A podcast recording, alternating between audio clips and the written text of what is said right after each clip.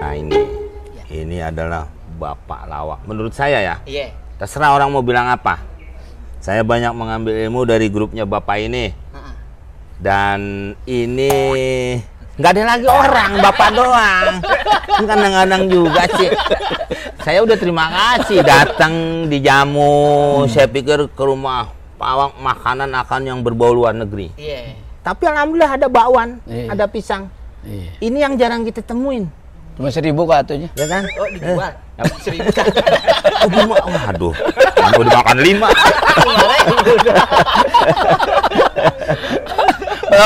Baik, alhamdulillah. Eh. Mas Deddy Gumelar, orang lebih banyak menyebut Bang Miing.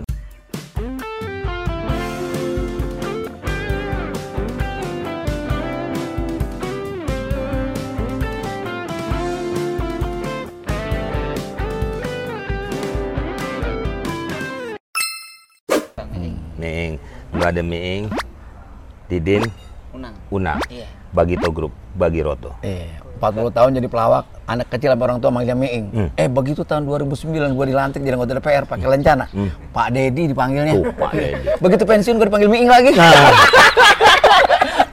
Berarti lu lebih pengen lagi mendingan di gedung sono kan? Emang Nggak, betul-betul lebih enak terhormat, begini aja, Meng. Eh. Lebih enak. Oh gitu. Lebih enak di sini gini. Gitu.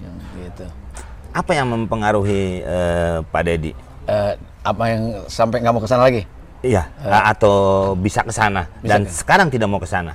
Eh, dulu diajak saya, jujur aja. Iya. Terima kasih pada Pak Taufik Himas yang ngajak saya untuk masuk PDI Perjuangan. Iya. 2008 dilantik oleh Mega- Ibu Megawati bersama Rano Kar Ratmo Karmo ya, yang pemain film. Rano Karpet. Rano Karno. Rano Karmo. Sidul anak sekolahan. Iya. Sidul, terus Rike di Pitaloka, Oneng, Rike, Ya, saya kenal. terus Sony Tulung, Sony Tulung. Edi, eh, Edo Kondologit. Hmm. Eh, Dokononya bukan belakangan, Pak. Eh, kalau nggak salah dilantiknya bareng deh. Oh, lantiknya bareng ya? bareng, tapi dia kan nggak masuk. Hmm. Hmm, Saya yang menang cuma saya dua orang. Amarano jadi wakil bupati. Iya. Eh, Ah, tapi Pak Rano nggak di Dewan, Pak ya? enggak, di, di kabupaten. Wakil bupatinya Pak Ismet, Kabupaten Tangerang. Enggak, maksudnya nggak di DPR. Kalau Bapak yang di DPR, Bapak sama Rike. Rike. Saat itu, sekarang Rano di DPR. Ya, sekarang. Oh, sekarang.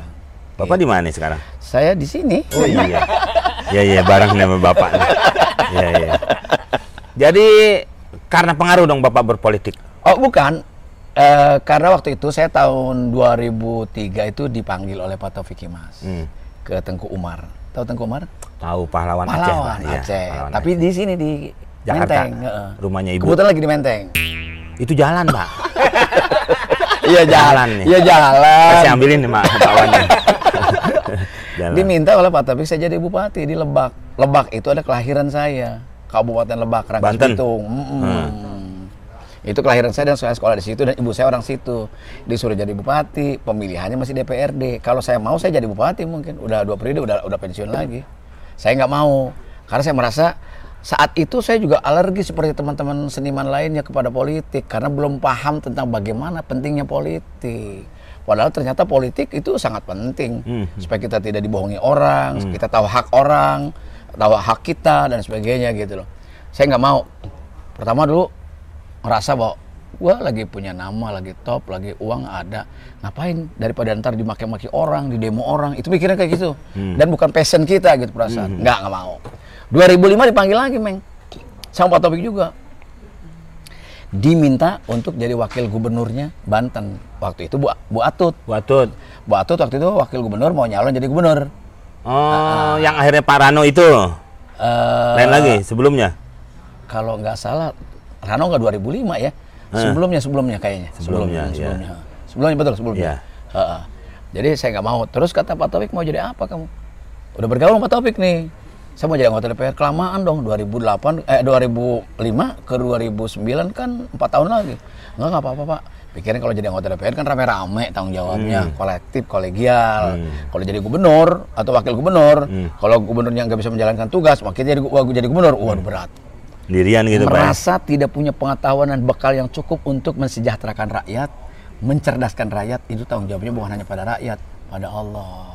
Tuh.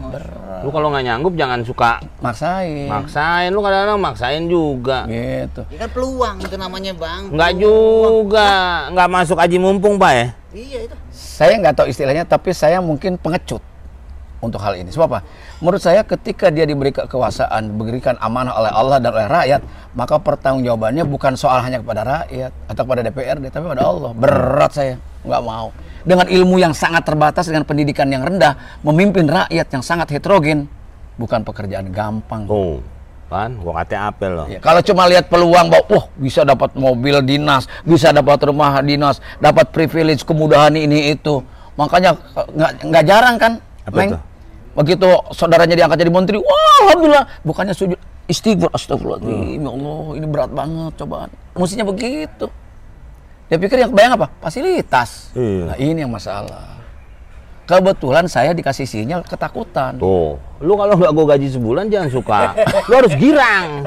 Balik itu tadi Pak Deddy maksudin Beda situ. gaji sama ini kan. Beda beda. Sama jabatan beda. Nih kali. Pak, sekarang kita balik ke Lawak nih ya. Jangan balik ke Banten, jauh Pak. Karena kita sama-sama orang Banten. Apalagi balik ke Papua. Iya tambah jauh lagi. Eh, Bapak banyak menerapkan apa ya hal-hal yang pada masa itu menurut saya sangat berharga buat saya dan buat yang seliptingan dengan saya Pak.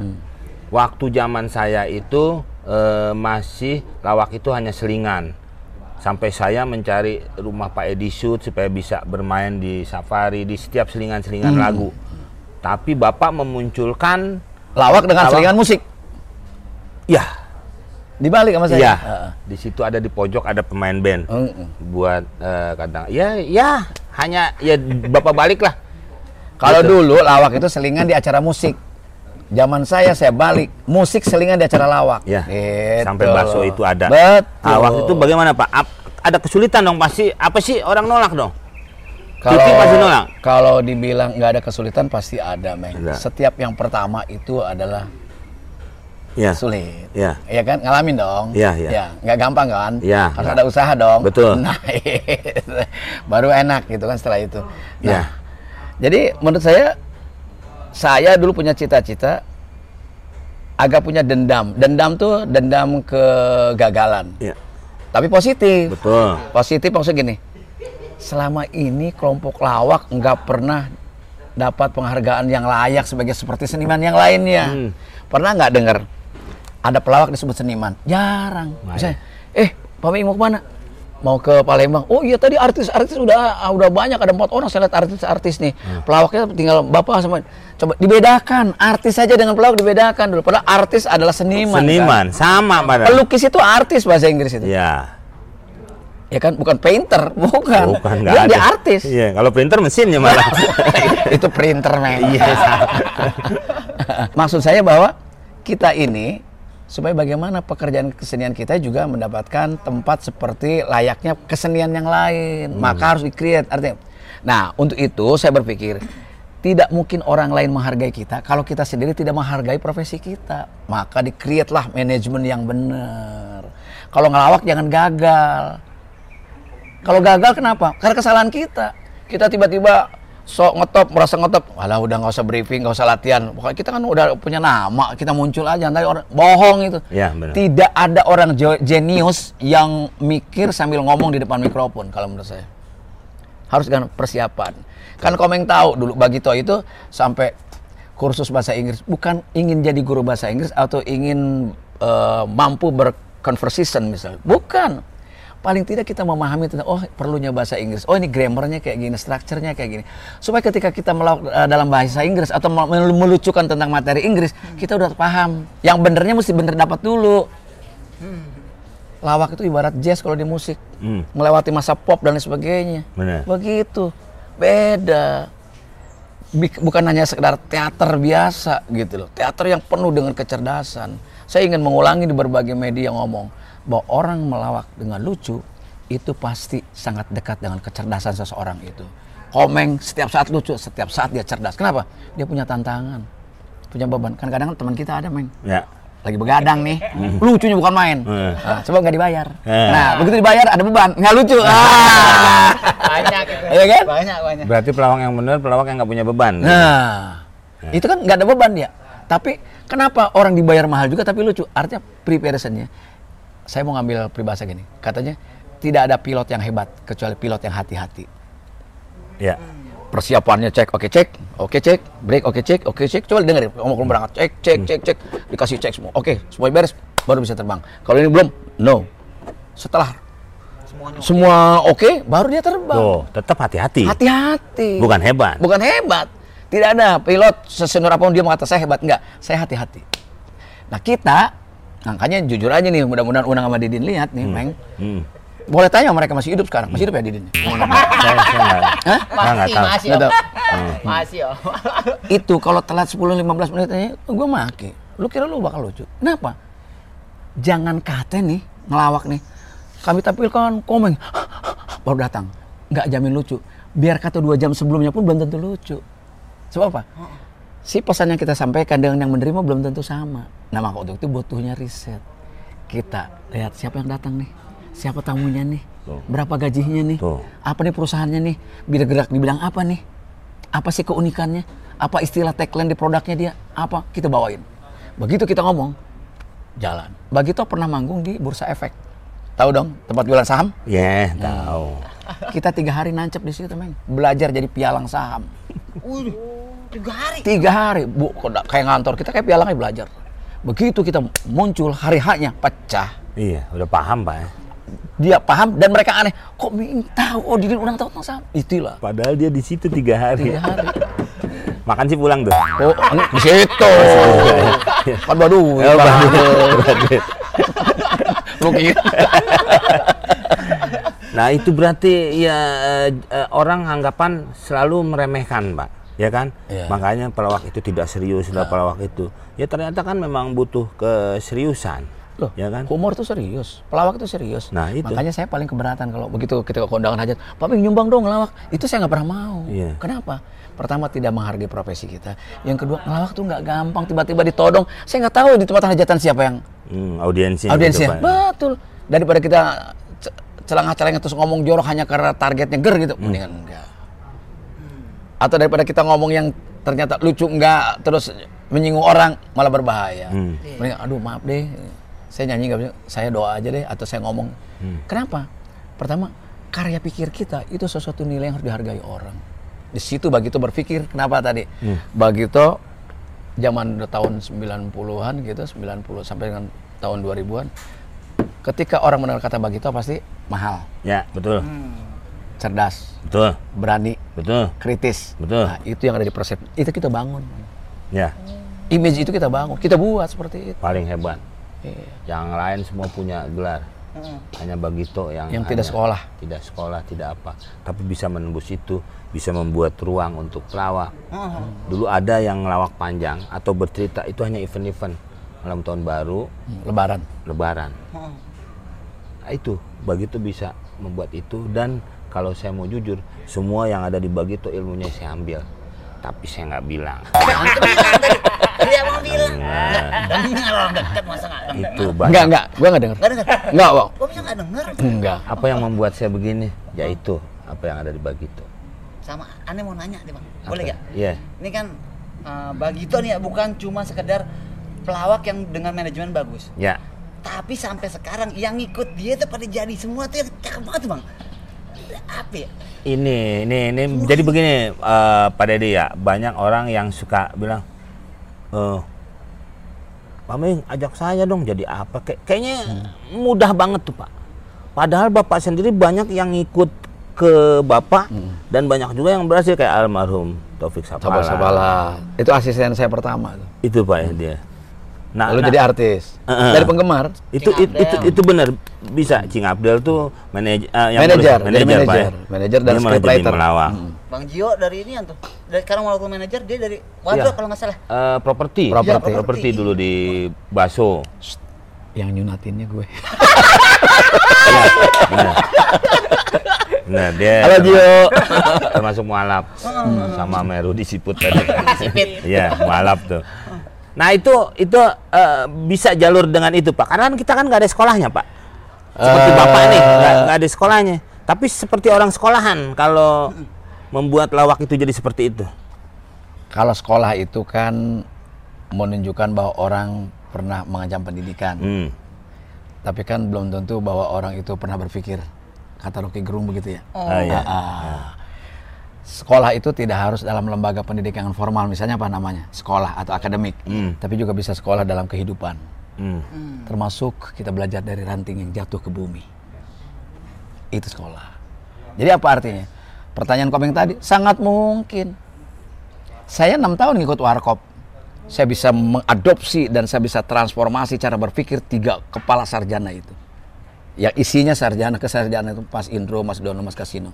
Dia orang sekolah tinggi dibanding saya. Saya ambil cara berpikirnya. Saya transfer. Bagaimana caranya? Ia meneladani cara berpikir, cara bicara, cara bergaul, cara beretika kita pelajari.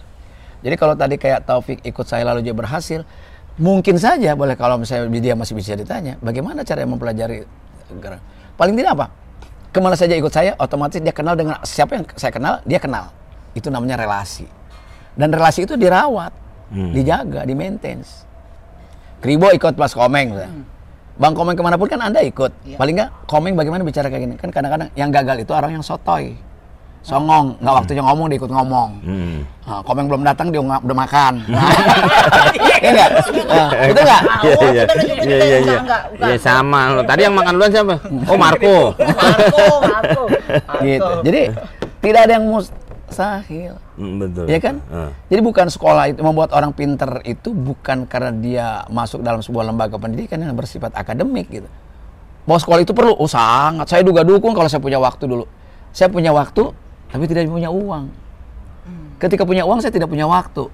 Komeng berhasil jadi sarjana, saya kan enggak. Jujur saya enggak.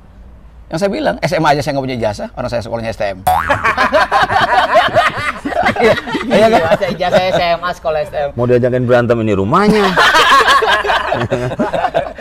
Iya kan, Bang? Eh. Jadi tidak ada mustahil. Bisa berarti Pak. Sangat mungkin bisa, tergantung kepada diri. Jadi gini, teorinya gini. Hmm.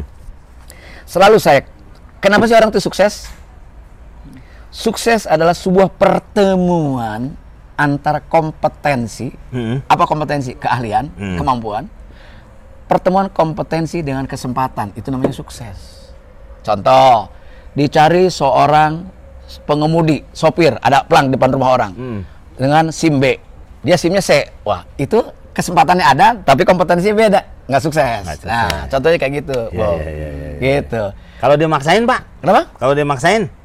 Akan berbenturan dengan kebutuhan orang. Nggak mungkin. Tetep Maksain maksudnya apa? Ya, SIM ah. C tetap ngelamar. Ya ditolak Iya. pasti. Orang yang dibutuhkan SIM B kok. Kalau gue bohongin umpamanya akan terjadi akan sesuatu. terjadi sesuatu. Tetep, Pak, ya? Misalnya karena biasanya SIM B itu untuk bawa truk sama bis. Tiba-tiba dia punya SIM-nya motor, sepeda Hmm. motor. Bawa truk kena nabrak. Iya. Akan jadi damage bahasa Inggrisnya itu. Damage apa? Kehancuran. Oh, damage. Eh, Takutnya lampu merah dia turun kaki. Nah, makanya kan, ya kan, pernah dengar dong, apabila segala sesuatu diserahkan pada bukan ahlinya, maka tunggulah kehancuran. Oh, Gitu. diserahkanlah pada ahlinya. Ahlinya, ya, Kayak terutama gitu. ahli waris.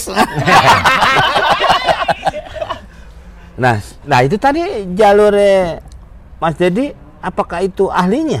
Tapi berani mendobrak. bukan. Nah, maksudnya gini, bukan ahli dalam pengertian akademik. Memang saya ke sekolah lawak, Ya. tapi lawak ini kan bisa dipelajari. Ya. Sekarang siapa pun punya uang, komeng sekarang punya anak pengen jadi pelawak, masukin. Ada nggak sekolah lawak? Kan nggak ada. Nggak ada. Nah, saya mau bicara sukses tadi. Pertama sukses pertemuan antara kompetensi dengan kesempatan. Kesempatan. Nah, syarat di setelah itu ketemu ada tiga lagi. Pertama punya knowledge, punya pengetahuan. Karena mungkin pernah sekolah, pernah mendengar, pernah melihat, pernah merasakan, pernah melakukan. Itu pengetahuan namanya. Hmm. Oke. Yang kedua punya keahlian, namanya skill, keterampilan. Ya kan? Bisa bisa menganyam bambu menjadi bilik. Itu keahlian. Naik sepeda motor itu keahlian. Yang ketiga apa? Attitude. Attitude apa? Sikap mental orang. Nah, ternyata Meng kontribusi terhadap sukses nih. Komeng sukses nih sekarang. Dia seorang pelawak sukses. Siapa di Indonesia yang tidak kenal Komeng? Nih almarhum ya kenal. Ini nah. kalau ngomong kan suka Iya gitu. kan? Bener kan? Semua orang sebut asumsikan semua orang kenal Komeng. Kenapa? Dia sukses. Apa Komeng lulusan akademi lawak? Enggak kan? Enggak, bukan. Terbukti kan teori itu. Iya. Lalu apakah Komeng karena keahlian yang ngelawak? Yang lain juga ahli ngelawak. Kenapa dia? Karena attitude-nya baik. Orangnya baik, sikapnya baik, janji tidak pernah ingkar, kalau waktu dia tepat, disiplin dan sebagainya. Jadi kontribusi terhadap kesuksesan itu orang skill dan knowledge tadi atau knowledge dan skill tadi, pengetahuan dan keterampilan itu hanya tujuh setengah persen pengetahuan, tujuh setengah persen keahlian itu ah, hanya 15 persen syarat untuk orang sukses. Hmm. Tapi 85% itu attitude orang. Lebih besar itu. Ih. Lah, sekarang saya lulusan STM. Sekolah lawak enggak, tapi berhasil di dunia lawak. Apa coba? Attitude sikap kita. Rendah hati ketemu orang. Sudah populer dia masih mau datang ke rumah orang tua kayak kayak saya gini kepada seniornya. Enggak enggak banyak. Pelawak yang masih ingat saya. Komeng masih ingat loh teori-teori saya. Komeng masih ingat saya pernah ngomong untuk anak-anak muda dulu.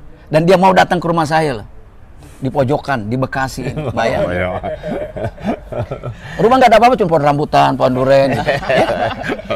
Iya nggak tuh, lihat tuh, ya kan? Duren tuh, bu jambu, Sawo, sawo, nangka, coba tuh, lihat sih, tuh tuh, Oh, ya kan? Tuh, tuh lihat tuh, sirsak, ya kan? Nah, Tuh, tapi pohon kunyit, banyak semua tuh. Artinya apa? Itu attitude, itu sikap mental, dasarnya moralitas. Kalau bahasa agamanya lebih tinggi lagi, namanya akhlak. akhlak. Gitu.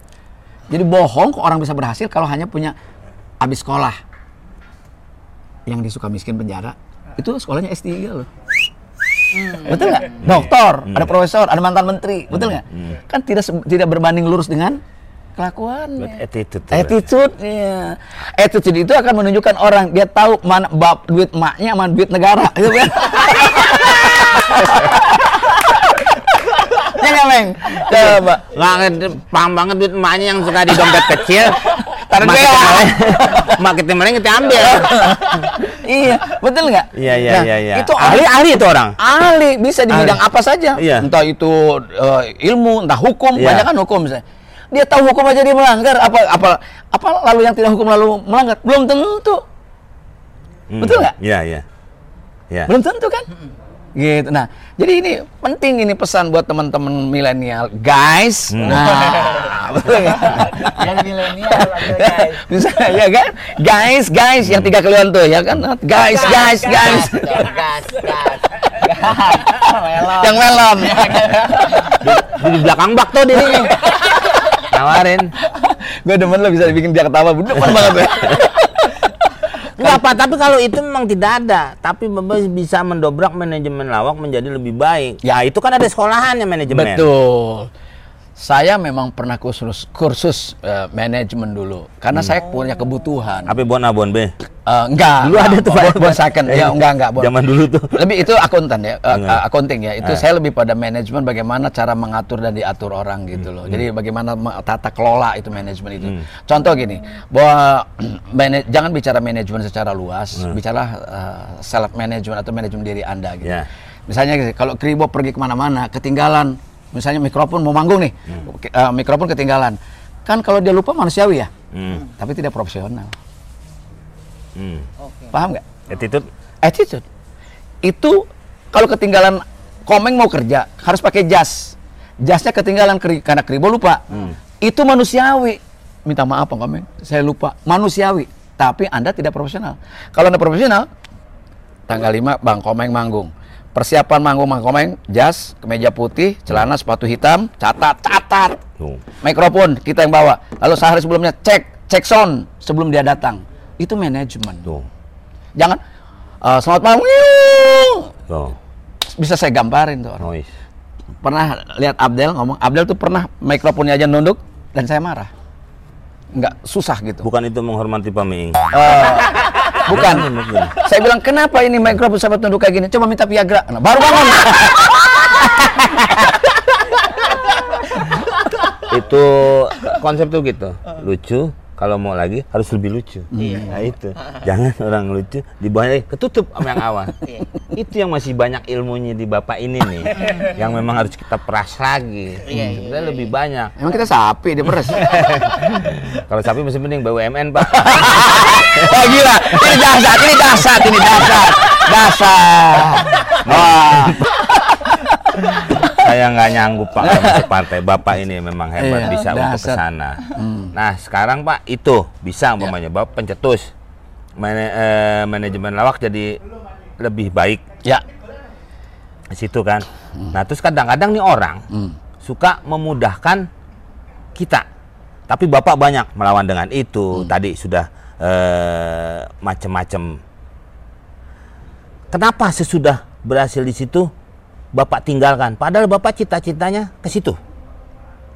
Di lawak itu. Iya. Enggak, saya nggak ninggalin. Bapak ke gedung dewan? Loh, seyogianya kan, kalau bahasa Indonesia seyogianya bukan ke seyosolonya kan? Iya, iya. Seyogianya. Seyogianya. seyogianya, betul nggak? Iya, betul. Harusnya generasi setelah saya yang memelihara itu, mem- memperpanjang usia teori-teori itu. Saya masih. Nah, nah itu alhamdulillah. Saya ke sana bukan meninggalkan ini. Saya cuma transit dalam pencapaian yang sisi yang lain karena dibutuhkan di sana. Setelah itu kan saya balik lagi ke sini, nengok. Hmm. Nah, makanya saya balik lagi ke dunia saya karena di sana ternyata juga tidak lebih baik saya di sana. Lebih dibutuhkan di sini, gitu loh. Nah, terus eh, berarti Bapak mengalami dua tempat. Kalau di Lawak biasanya ada sesuatu masalah. Kadang-kadang kan masyarakat taunya kita senang terus, Pak ya. Betul. Bapak juga bisa berantem sama istri, bisa kesel sama anak. Sama, saya juga ngalamin itu. Tapi Bu Ani seneng aja tuh, Pak. Itu kan berarti bukan menghilangkan menghindar dari masalah, Pak ya. Enggak, Enggak kan? tidak menghindar dari masalah. Nih, lo dengerin lu. Ini berantem bininya nih, Pak. Jadi nggak lucu ngelawak sama saya, Pak. Masalah jangan dihindari. Eh, Meng, saya pernah loh. Hmm. Ketika saya mau berangkat manggung, Hmm. ada friksi dengan istri dan itu normal manusiawi. Tuh, dengerin. Dan saya lupakan semua persoalan. Saya tinggalkan di rumah, manggung. Keluarga saya, orang yang terdekat dengan saya, meninggal dunia, saya manggung. Tuh. Dan untuk para penontonnya komeng nih, saya pernah mungkin manggung, masuk rumah sakit hari ini, for deliver, tiga hari kemudian saya harus manggung. Dirawat tiga hari, belum boleh pulang. Saya minta izin dokter, minjam suster, saya bayar suster, lalu saya bawa eh, kursi roda, pakai infus, saya itu manggung. Setelah itu balik lagi dan ngalamin. Tuh. Syuting baso ngalamin, pakai kursi roda. Akhirnya tadinya harus jadi miing, berperan jadi aki-aki, lebih pas di kursi roda. Dan itu saya tidak mau ingkar janji pada orang lain. Kata yang punya hajat, udahlah Pak kalau sakit nggak bisa. Saya manggung di depan sama Didin. Setelah nggak berat, saya pulang, Didin lanjut berdua mau nang. Itu ngalamin. Nah, itu. teknik Itu itu. itu adalah uh, komitmen profesional kita secara moral bertanggung jawab. Nggak tega mereka juga nonton saya, tapi ah, saya nggak, saya sakit memang. Mereka tahu saya sakit, saya ngelawak sebisa saya. Tuh. Gitu loh. A- apalagi cuma berantem sama bini. Bah, itu sih kecil. Bukan berarti masalahnya kecil dengan istri lalu tidak menghargai, bukan. Simpan dulu. Ada urusan yang lebih penting karena publik. Kalau ini kan domestik. Dengerin. Bedakan urusan domestik dengan urusan publik. Paham nggak, Bu? Iya, iya. Ah. Jangan bengong-bengong nggak ngerti loh. Saya Pak yang beban nih Pak nih. Kalau Bapak nggak kasih tahu dia nih, Iya. terus sama saya udah nggak nurut. Pak. Domestik itu persoalan lokal kita Oh, Ah, di rumah. Oh. Nah, kalau publik itu umum. Tuh, denger. Umum. Nah, angkot tuh umum, angkutan umum. itu tetap masalah sama semua orang ada Pak ya. Ada, tapi eh, kita ada yang prioritas yang harus kita fokuskan. Gitu loh. Iya, iya, iya. Gitu. Begitu. Terima kasih eh, Bapak Dedi Gumelar yang saya hormati. Wah, semua ini bang, senang banget bisa ketemu. ini langsung saya dapat ya. Iya. Maaf ya, saya dulu malu banget saya pengen ke kantor begitu. Akhirnya apa yang dia ngomong saya taruh. Apa yang dia terapkan, dia pernah ngeluarin buku, saya beli. Saya nggak minta, saya beli, saya pelajarin. Terus pengusaha tawa lah, apalah. Ada yang bilang kok, Pak Oh. Komeng beli buku katanya. Oh iya. Sampai ngasih tahu ya. Tuh buku gambar. Mas Didin kali yang ngisiin tuh waktu itu. ya jadi apa pun memang eh, apa ya buat saya sejarah eh, melawak saya, saya, saya- saya- eh, apa ya seperti eh, katanya Bing Slamet ini eh, rajanya lawak tapi saya tidak ngalamin makanya saya yang saya tahu Benyamin Mm-mm. saya, saya alamin waktu itu saya udah lari saya melihat eh, Pak Bunyamin.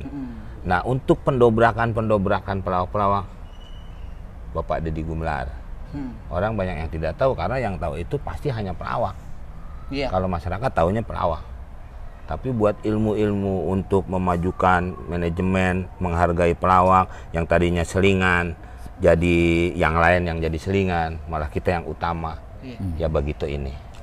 Terima kasih untuk semuanya. Saya mewakili semua para pelawak. Amin. Mungkin yang lain pada nggak ikut atau yang bodoh amat. Pokoknya saya terima kasih banyak. Simpelnya yang terakhir gini, Meng. Tidak ada tidak ada yang tidak mungkin kita bisa capai selama kita mau berusaha dan mau belajar. Supir pun sekalian. Iya. Sebab apa? Dan tidak ada lagi prestasi yang bisa dicapai dengan gemilang dengan cara leha-leha. bangunnya siang. jangan cewek dulu maksudnya Pak ya? Bukan hanya Tadi itu. leha-leha tadi. Leha, bukan Itu juga leha. leha itu santai. Oh, santai ya ya. Saya sih nggak apa-apa main cewek, saya jangan main cowok. Iya nggak? Kamu ngerokok. Heeh. Sehari berapa bungkus? Bungkus. Sebungkus. Ah. Ah, bisa nggak setengah bungkus? Setengah bungkus simpan untuk beli buku. Tuh. Kan, Itu. Lu mau mau, mau beli Kan anak-anak begitu. mau, mau pinter katanya, nggak pernah baca. Kan baca WA. Bukan. Beda. Beda. Banyak yang ngomel lagi di WA Pak ya. Iya, Banyak yang ngomel loh buat apa? Belilah buku untuk referensi. Bukunya apa saja? Baca apa saja. Mau novel, kayak baca Al-Quran lebih bagus. Baca buku tentang sains, boleh. Apa saja. Kalau kita diisi dengan halaman-halaman literasi otak kita, itu yang ngomong ke sini juga lancar. Nggak banyak kan eh. Iya. Kalau orang banyak eh pejabat kayak apa? Pasti bacaannya rendah. Literasinya rendah. Oh itu Pak. Iya. Bukan I- dia mules, bukan Hah? mules. Bukan. Hmm. Iya. Oke. Eh mana? Oh iya. Wah masa nggak Apa sih? senior lo nggak dikasih pape. Eh, itu jadi eh, tetap apa pun bisa. Bisa Pokoknya dilakukan. bisa apa pun. Selama kita mau berusaha. Hmm. Dan kalau kita mau berusaha, pasti di situ Tuhan kasih jalan buat kita. Gitu, Meng. Ya, sekarang Komeng nggak sekolahan. Ya. Pak Tasan, Sri Mulat nggak sekolah lawak. Sri Mulat juga nggak ada yang sekolah lawak, tapi mereka jadi pelawak hebat. Ya. Warkop juga demikian. Sekolahnya UI, Ya. yang ada ekonomi, sosiologi, Nggak ada hubungannya. nggak ada hubungannya. Tapi ketika dia sekolah, maka isi kepalanya menjadi memiliki logic thinking namanya. Punya cara berpikir yang berbeda gitu dengan orang yang tidak sekolah. Nah kalau kita kayak saya nggak sekolah, maka jangan berhenti membaca. Kan begitu. Tuh dengerin lu lu nggak sekolah. Ya, gimana mau denger orang lagi ngambil beginian? Ya ntar gua kasih tahu lagi. Ini Meng, apaan ini maaf berembun karena daerah Pak Dedi daerah puncak jadi. Ya Allah, Bu, Ya. kita dapat istri saya main hobinya bikin sambal. Oh, iya. Ini cabenya Masya banyak Allah. banget. Pas. Iya masuk. Pasti cabai. Saya belum pernah loh jadi narasumber dapat hadiah kayak gini. Biasanya uang. Ini jadi malu. Kita udah disuguhin. Iya. Dengan duit berarti kemarin. Iya, ya kan bisa dikorek-korek cabenya. Kita kan naruh amplop juga kan nggak. Masya Allah, Ya kan? ini sayur-sayuran. Ya. Dan di sini eh, satu simbol bahwa Komeng tahu betul yang menerimanya ini adalah orang yang usianya sudah tidak lagi muda. Maksudnya apa Artinya butuh makanan yang sayur mayur dibanding daging. Baru Cocok, cocok, cocok. Terima kasih. Cuman juga harus dilengkapi dengan obat sakit perut, Meng. Karena Oh. kita habis semua. Tadi udah enak ngomong, kenapa sih ujung-ujungnya? Oke. Eh, Makasih Pak Komeng. Makasih terima Ibu. kasih. Makasih, makasih. Makasih buat semuanya.